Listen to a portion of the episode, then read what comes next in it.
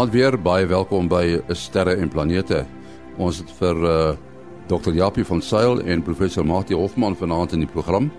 Daar is ook 'n ruimte weervoorspelling, maar ook 'n ruimte nuus wat geskryf word deur Herman Torin in Bloemfontein. Benewens vulkaniese as kan die teenwoordigheid van 'n wye verskeidenheid skadelike gasse nou deur die Sentinel-5 precursor satelliet van die Europese Ruimteagentskap ESA waargeneem en gekarteer word. Onder die gevaarlike besoedelingsstowwe in die lug tel formalien, koolstofmonoksied, stikstofdioksied, ozon en aerosol wat nou afsonderlik deur Sentinel gemeet en gekarteer kan word. Boonop word 'n toepie nou ontwikkel wat mense in staat sal stel om die inligting op hulle slimfone te kan bekyk. 'n Hele vloot Sentinel satelliete wat 'n selfs nog akkurater beeld van lugbesoedeling sal kan verskaf word beoog. Altesaam 7 miljoen mense sterf jaarliks weens lugvervuiling, aldus die Wêreldgesondheidsorganisasie wat die week 'n konferensie oor die probleem in Genève, Switserland gehou het.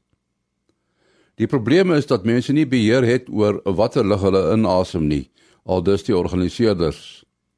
Die onus rus dus op mense om kollektief die probleem aan te spreek.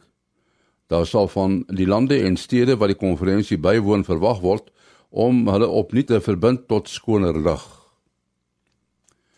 Die Mars Express, 'n satelliet van die Europese Ruimteagentskap ESA wat om Mars wentel, doen akkurate waarnemings van 'n wateryswolk wat 1500 km van die kruin van Berg Arsia af weswaarts strek. Arsia is 20 km hoog en net 2 km minder as die hoogste berg in die sonnestelsel, Olympus Mons. Die wolk wat periodiek voorkom, word deur atmosferiese toestande geskep. Die wolk is nou so lank dat dit deur teleskope van die aarde af bestudeer kan word. Berge op Mars kan so hoog word omdat die planeet nie oor bewegende plate beskik soos die aarde nie. Terwyl dit dan so op een plek staan, kan dit vir miljoene jare op een plek deur dieselfde bron met lava gevoed word. Olympus en Arsia is vulkaniese berge, maar die wateryswolke wat soms by die kruine waargeneem word, hou nie met vulkaniese werking verband nie. Tot sover dan ruimte nuus geskryf deur Herman Torin in Bloemfontein. En nou is dit Kobus Olkers met 'n ruimte weervoorspelling. Goeienaand en goeienaand luisteraars. Ja, hier is ons aan die begin van 'n nuwe week en ons het 'n redelike groot korona gehad wat ge reeds geo-effektief is. Hy het gister al begin ehm uh, geomagnetiese storms naby die noord en die suidpole veroorsaak. Die mense in daai omgewing sien al reeds redelike mooi auroras. Ons uh, langafstand radiogebruikers uh is ook natuurlik te lewe bewus van hierdie van hierdie ene en ek stel voor dat hulle hulle frekwensies met dalk 'n bietjie opstoot. Ehm um, en dit is as gevolg van die feit dat die plasma stroom wat nou van die son af kom redelik sterk noordgerig is met ander woorde hy maak die aarde se se magnetveld uh, effe sterker en dis is die ionosfeer ook nou daardie beïnvloed. Dan het ons nou uh, reg langsom is daar 'n redelike fris uh um filament. 'n baie sterk magnetiese gradiënt uh wat hom redelik uh, stabiel maak. So ek glo nie hy gaan hoegenaamd enige iets uh enigstens losbars of enige so iets maar hy kan dalk platval. En dit kan natuurlik dan vir ons 'n hydervakkel veroorsaak en aangesien hy geomagneties uh, afwatens geo-effektief is ehm um, is dit vir ons 'n uh, potensiële probleempie tot so maandagooggend se koers toe Dan wat uh verdere filamente aanbetref is daar een baie naby in die in die suidpool van die son. Hy is glad nie geo-effektief nie, so maak nie saak wat hy doen nie. Hy sal niks aan ons enige toestande verander nie, maar hy kan dalk pragtig lyk as hy as hy dalk sou loskom.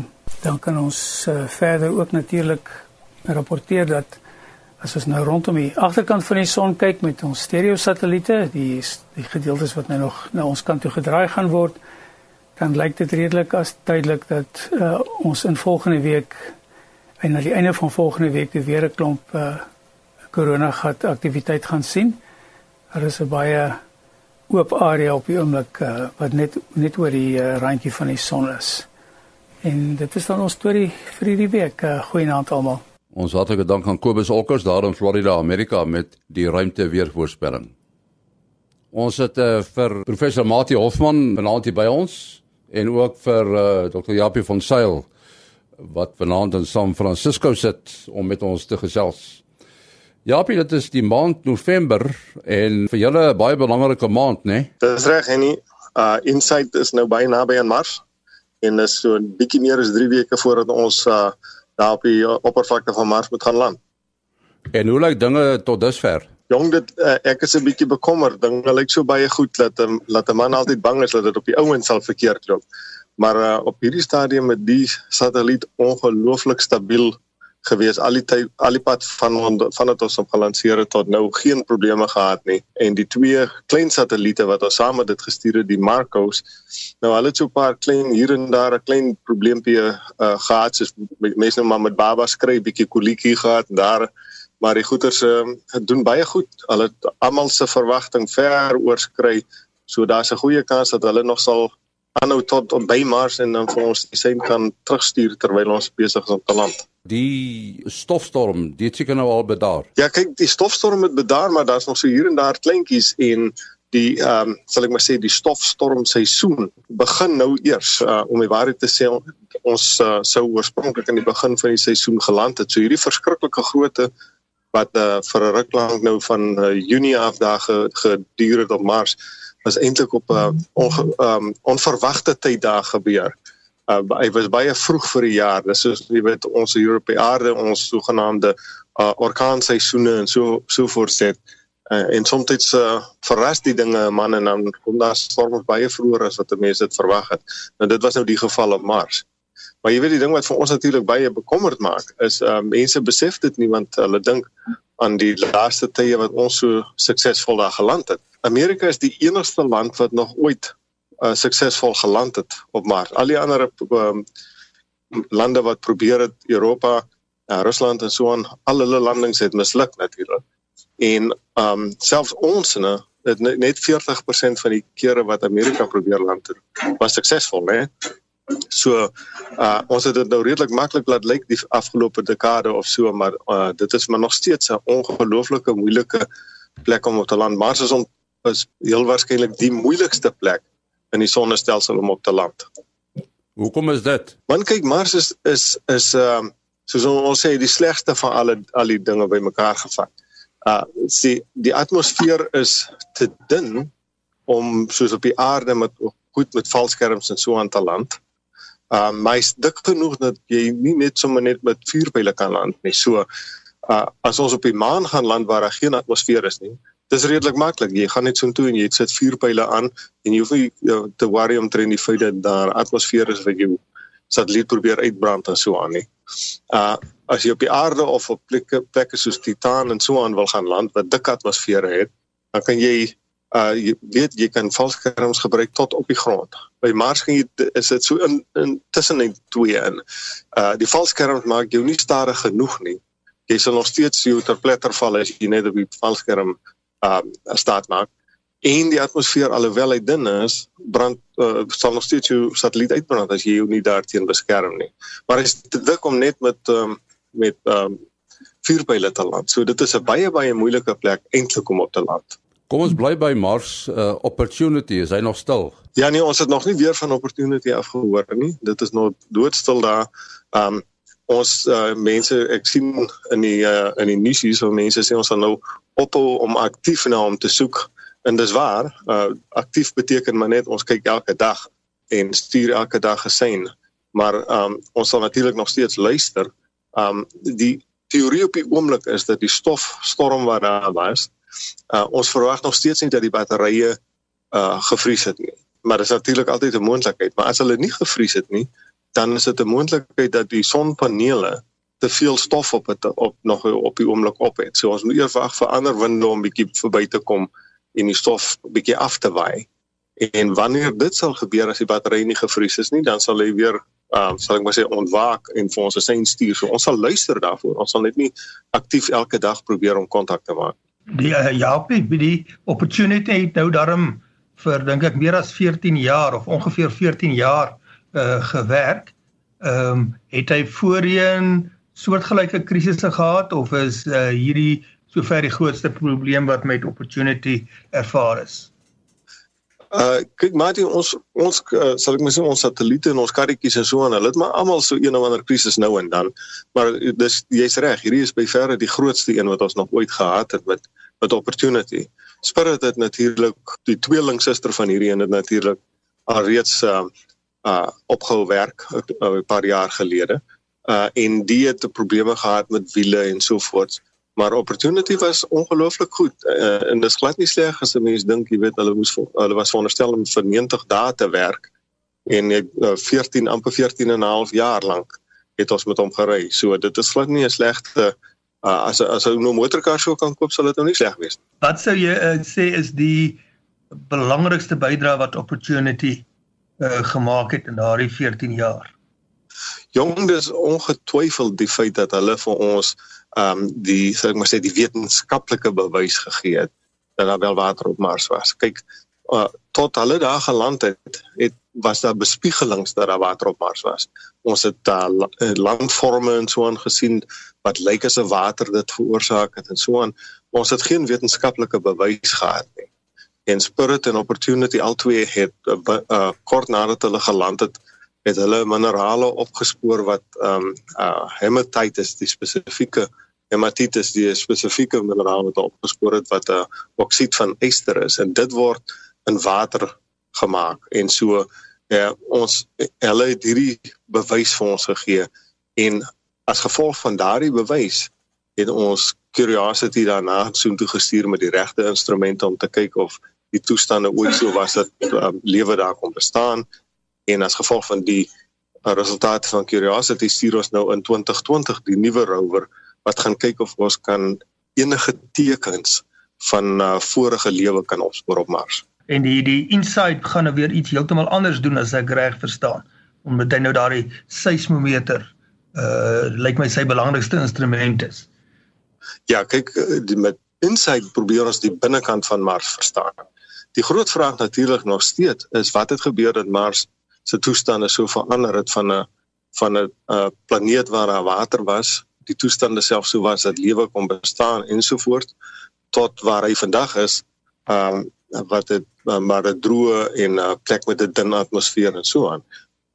Water kan nie vandag op die oppervlakte van Mars bestaan nie want hulle sal onmiddellik verdamp uh, as gevolg van die lae druk op op die oppervlakte. So uh en die binnekant van Mars dink ons hou die hou die sleutel om te om te sien of die dinamo sogenaamde dinamo wat die wat die um, magneetveld opwerk nog steeds aan die gang is en daarvoor het 'n mens natuurlik 'n vloeibare kern nodig. So dit is wat Insight vir ons gaan probeer uh, uitvind. Nou as as 'n mens kyk, jy het nou gepraat van uh, die Mars rover. Wanneer gaan hy nou weer op? uh die plan is op die oomblik om hom in vroeg in 2020 te lanseer die volgende een. Maar nou is daar 'n 'n valskerm toets gedoen wat eintlik gebruik gaan word by die rover se uh, lansering. Vertel ons 'n bietjie meer daarvan. Ja, kyk, ons het mos nou um ons gebruik elke met al ons landings gebruik ons um valskerms op een of ander stadium soos wat ons deur die uh, atmosfeer gaan. Toetse nadat Curiosity geland het uh, van die van die uh, materiaal van die valskerms het gewys dat ons was eintlik baie gelukkig dat um, die valskerm wel gewerk het en daar is 'n uh, hoog genoeg kans dat die valskerm sal kan uh, skeur as hy oopmaak dat ons gevoel het ons moet nuwe toetse doen nuwe nuwe materiale kry om seker te maak dat daardie kans dat die die valskerm sal skeur klein genoeg is. Uh dis maar by ons altyd 'n groot geval van 'n mens probeer maar die die waarskynlik waarskynlikhede dat iets verkeerd gaan so laag as moontlik hou. En so die toetse wat hulle nou hierdie afgelope tyd hier gedoen het was vir 2020 want die rover is 'n klein bietjie swaarder as wat Curiosity was. So jy weet as jy nou nog 'n swaarder rover aan aan 'n aan 'n reeds um 'n valskerm hang wat jy nou reeds 'n bietjie oor bekommerd is, dan kan dinge dalk bietjie verkeerd gaan. So gelukkig het die toetse baie goed afgeloop. So ons is nou redelik seker dat die nuwe valskerm wat ons sal vlieg in 2020 uh, sal genoeg wees en goed genoeg wees. En hoe is die valskerm anders as die vorige een? Uh, hy hy is basies dieselfde grootte maar die materiaal is 'n bietjie dikker. En dan die verpakking is 'n klein bietjie anders net om seker te maak dat die ehm um, dat hy wel sal goed oopmaak en so voort. Ons moet praat oor Kepler. Ons het juis in verlede week se program gepraat oor die uh, ruimteteleskope. Kepler is natuurlik een van hulle. En uh dit het nou pas bekend geword dat dat Kepler op pensioen gegaan het, uh, dat hy nou nie meer kan werk nie. Dit was nou natuurlik nou uh, iets wat almal verwag het, nê. Nee. Ja, dit is ongelukkig, jy weet, die goeters het maar 'n beperkte leeftyd. Kyk, Kepler is gelanseer toe ek uh, in beheer was van die um, uh, astrofisika hier by JPL. En waar dit sê dit was een van my projekte wat ons uh, gelanseer het uh, in 2009 en hy was veronderstel om vir 4 jaar, hy was uh ontwerp sal ek maar sê om vir 4 jaar te hou. So hier trek ons nou al in 2018 um en hy het nou maar net aan die einde van sy lewensyd gekom. Uh en dis nou maar ongelukkig soos die die lewe met hierdie goed gaan. Hulle raak oud en dan hou hulle op werk. Kepler het 'n uh, vorige groot krisis gehad met die uh, giroskope wat hom nou moet help akkuraat uh rig en stabiliseer en toe het hulle 'n slim plan gemaak wat ek uh, verstaan met die een of ander manier met die druk van die son sonlig te doen het wat maar 'n baie klein effek moet wees maar as jy by daardie kyk het jy idee hoe hoe dit presies werk. Hoe kan uh, die druk van sonlig help om so 'n relatiewe groot instrument of 'n effek hê op sy stabiliteit? Ja kyk kyk wat met Kepler gebeur het is soos jy sê die wat ons noem die reaction wheels dit uh, van die van die uh, satelliet uh, van hulle het uh, opgehou werk en dis maar 'n redelike algemene ding ongelukkig en as gevolg daarvan kan jy dan nie die satelliet meer so akkuraat na 'n plek in die ruimte mik nie so wat die ouens toegedoen het is sê ons gebruik die oorige um, uh, wiele om hom so min of meer te naby die plek te hou en die son druk is genoeg om stadig maar seker so 'n teleskoop se se sal ek maar sê sy oriëntasie te verander. So wat hulle gedoen het is hulle gebruik dan nou en dan die wiele om om sê net maar jy wil op 'n spesifieke plekie in die ruimte kyk en jy weet die sondruk um, uh, sal die teleskoop van regs na links beweeg. Dan gebruik ons die wiele om hom net so klein bietjie aan die regterkant van die plek te hou waar ons uh, wil kyk. En weet ons nou die sondruk gaan hom nou stadig maar seker van regs na links beweeg deur die veld wat ons wil kyk. En dan kan ons nou ja. ons opmetings doen terwyl die ding so stadig maar seker skuif. En dan doen ja, ons dit weer, skuif, ons weer die wiele. Ja, mens kan dalk net bynoem ter wille van perspektief hoekom die mense nou nogal aangegryp is oor uh dat Kepler nou nie meer verder gaan werk nie. Sê dit is nou al amper 'n huishoudelike tema geword uh, so, uh om te gesels oor die ontdekking van die eksoplanete soos ons nou ook al uh gereeld hier gedoen het. Uh, maar mens moet uh, besef dat die Kepler uh, ruimteteleskoop het ongeveer 70% van die uh, bykans 3800 eksoplanete ontdek. So hy's by verre weg die produktiefste instrument in die verband gewees. Veral as dit dan nou gaan oor bietjie statistieke kry van hoeveel van watter soort uh planete daar is en hoe lyk die afstande vanaf die son. Uh so dit regtig uh die hele veld uh verander en uh, ek dink dit dien ook as 'n groot motivering vir verdere sendinge wat dan nou moet voortbou op die ontdekkings van die Kepler teleskoop om nog meer inligting uh oor daardie eksoplanete en soortgelyke eksplanete uh te kry. So ek dink die nalatenskap van van die Kepler teleskoop gaan 'n groot impak op die hele aantal bly beide sendinge op die aarde en dan ook uh sendinge in die ruimte. Ja, dis ongetwyfeld waar wat Mati sê uh jy weet Kepler het ons heeltemal ons uh, beeld van watter tipe planete hoe die hoeveel groot is en hoeveel kleintjies en so aan daar buitekant is verander en uh sal ek maar sê sy nalatenskap sal nog baie lank met met ons wees. Ja, ja, net die vraag of daar ander planete is buite ons sonnestelsel. Nou weet ons dat die hoeveelheid eksoplanete kan waarskynlik meer as die hoeveelheid sterre in die heelal wees. So nou gaan die vraag oor die die aardgrootte planete en uh, hoeveel van die planete is dalk in die bewoonbare sones en hoeveel pl planete het atmosfere wat dui op dalk eksos uh, uh, ekosisteme. So die vraag kan dan nou baie interessanter uh, onderafdelings van die vraag na eksoplanete uh, uh gaan daarop fokus dan. Ja, dis heeltemal waar. Die die vraag wat mense sekerlik nou vra is uh, as Kepler nou nie meer werk nie, wat gebeur nou met hom? Moet hy terugkom aarde toe? Uh, nee, Kepler is in 'n baan wat stadig hy hy kyk hy's nie wendel nie om die aarde nie. Hy's in dieselfde baan, uh, amper dieselfde baan as die aarde om die son. So Kepler sal nou maar net eenvoudig daar buite kan bly. Uh daar's geen manier wat ons hom kan terugbring na die aarde toe. Hoe ver is hy van die aarde af? Uh jong, nee, ek weet nie presies nie. Ek weet uh, met met Spitzer het hy so stadig maar seker weggedryf sodat hulle uh teen hierdie tyd na omtrent 10 jaar is so ongeveer uh 1/10de die afstand van ons na die son toe van die aarde af. So hy hy raak stadig maar seker agter die aarde. Nou klompie jare van nou af, ek kan nou nie presies meer onthou nie, is iets so 60 of 70 jaar van nou af sal ons weer inhaal. Jy jy was nou onlangs in Washington om te praat oor uh, die Europa Clipper projek. Kan jy vir ons vertel wat daar gebeur het? Ja, kyk nie die Europa Clipper uh, projek, die die sogenaamde flagship projekte wat ons na na hierdie uh, ander planete toe stuur as hulle sulke groot is so die Europa Clipper. Europa Clipper het 10 verskillende instrumente op hom.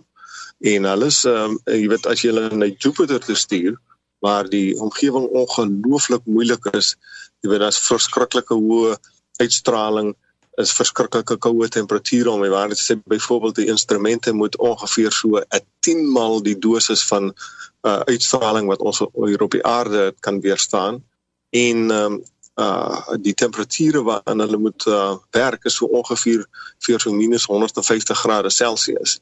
So dit is baie moeilik om al hierdie instrumente te bou en op die uh, die satelliet um, te integreer dat hulle almal saamwerk so aan. So van die instrumente het nou stadig maar seker bietjie probleme opgedoen met hulle ontwikkeling so uh, terwyl ons hulle nou hier besig is om te bou nie net ons nie ander plekke in Amerika en in Europa selfs en uh, as gevolg daarvan het NASA nou besluit uh, uh en ook as gevolg van die feit dat die vuurpyl wat ons moet gebruik miskien nie heeltemal reg sal wees in 2022 nie het hulle besluit ons moet nou 'n bietjie ekstra tyd vat en in 23 lanseer. So dis nou so ongeveer 9 11 maande toe later as wat ons oorspronklik beplan het, maar dit gee vir ons nou so 'n bietjie meer tyd om nou die al die instrumente reg te kry en so aan. Nou dit kos seker ekstra geld. Uh ja, maar kyk dit hang hang dis een van die redes waaroor NASA nou al so vroeg die besluit geneem het, nee. Kyk as ons nou weet, dan kan ons die werk so skeduleer sodat jy nie net ongelooflik baie geld spandeer nou teen 'n hoë pas en dan vir 'n jaar lank rondsit en wag vir om te lanseer. So nou dit sal meer geld kos. Ons weet nog nie presies hoeveel nie. Dit is een van die dinge wat ons daar bespreek het. Ons gaan nou volgende jaar hier so in die Mei maand se kant manne gaan nou al die werk oor beplan om seker te maak dat alles nou kan uh, reg wees op die regte tye en so voort en dan sal ons nou volgende jaar Mei uh, by weer by mekaar kom en kyk wat hoeveel dit nou ekstra sal kos en al die soort van. As jy mens nou kyk na die aktiwiteit van julle daar by JPL, dan is uh Insight maar seker die ding wat bo aan die lys is op die oomblik. Ja nee, ek dink almal is nou natuurlik nou besig. Dit dit is maar soos ons hier werk, die die een wat naaste aan 'n uh, wat ons noem 'n critical event kom. Hy kry al die al die aandag uh en so voort. So almal is nou besig met inside om die waarheid te sê. Ons het vandag 'n groot vergadering in Washington waar ons vir almal vertel wat hulle kan verwag met die met die uh na landing en so aan.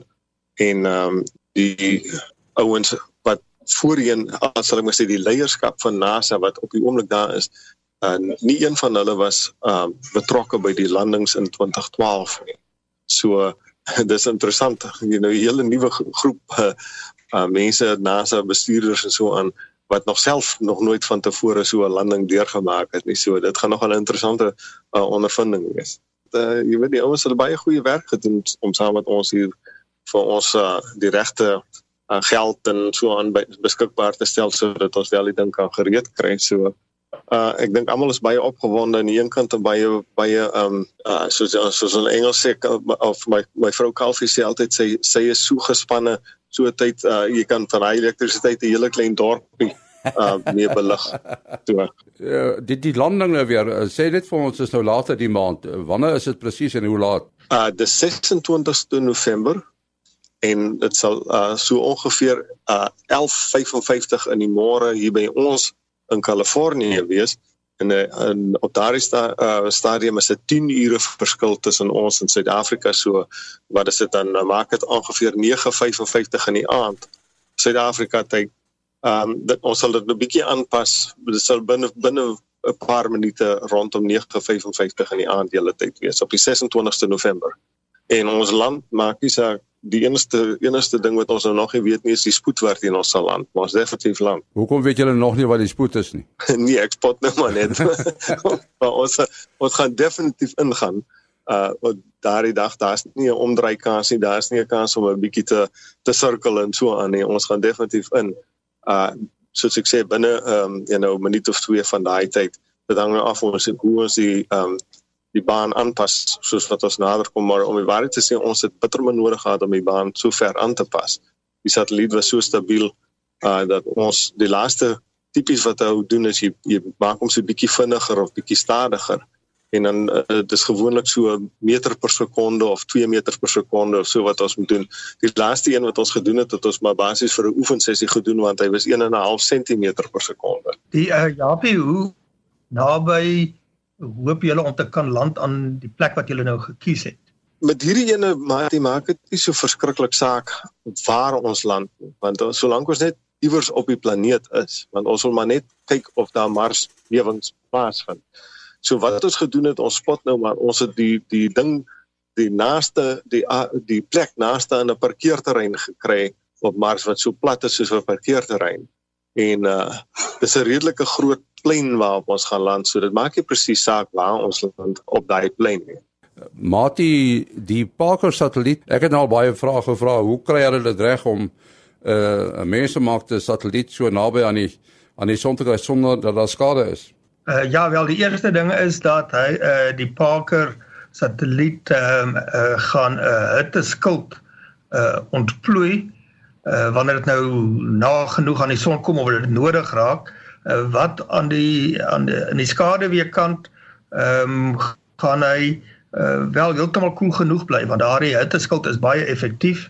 Dat uh, hy nou wel op hierdie stadium is hy nou uh, nog 'n goeie 40 miljoen kilometer ongeveer vanaf die son, maar dit maak dit die naaste wat die mens ooit aan die aan die son gekom het. Die vorige rekord was gehou deur Helios 2 in 1976 wat uh, dit was 'n Europese tuig. Nou dis nou interessant einde September was ehm um, die Parker satelliet weet ongeveer 40 km vanaf die aarde. Die afstand die uh, soos jy die kraai vlieg van die aarde na die son is 100 en uh 50 miljoen kilometer. Nou die Parker gaan natuurlik nie soos die kraai vlieg nie, hy's in 'n baan en hy's nou sy 40 km van die son af. So in hierdie bietjie meer as 'n maand, ja, wel omtrent 2 maande het hy baie miljoene kilometers afgelê en uh, die die die uh, Venus uh, wat op van die aarde af op die oomblik soos 'n sekeltjie vertoon wat beteken Venus is tussen die aarde en die uh, en die son en dit het hom nou in 'n goeie posisie geplaas om dan benut te kan word om uh die Parker satelliet se baan so te deflekteer en om in die rigting van die son en om dan ook sommer nog bietjie spoed by te gee so die Parker satelliet is uh, word in die proses die vinnigste ruimtetuig dink ek wat ooit uh die diep ruimte uh, be, betree het.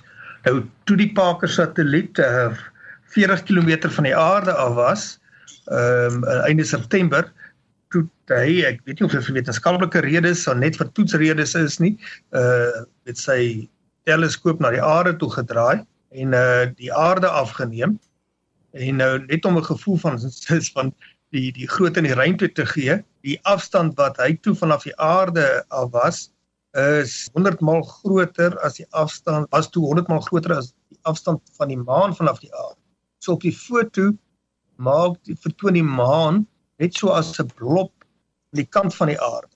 Nou daar's natuurlik nou 'n bietjie uh, hoek ook ter sprake, so die maan was so 'n bietjie agter die aarde in, maar net om aan te dui op op daai afstand uh kan mens skaars die maan onderskei van die aarde. Dit was nou nie 'n groot vergroting foto nie en die maan bly steeds die verste waar die mens ooit die ruimte in uh gereis het.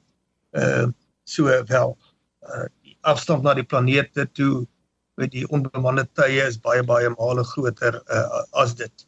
So die Parker satelliet is nou besig om geskiedenis te maak en uh, en dan gaan hy 'n hele aantal kere, wel baie kere rondom die son wentel en op sy naaste gaan hy weet die meeste van sy werk in die naby omgewing van die son gaan hy so op 'n afstand van 8 km vanaf die son doen.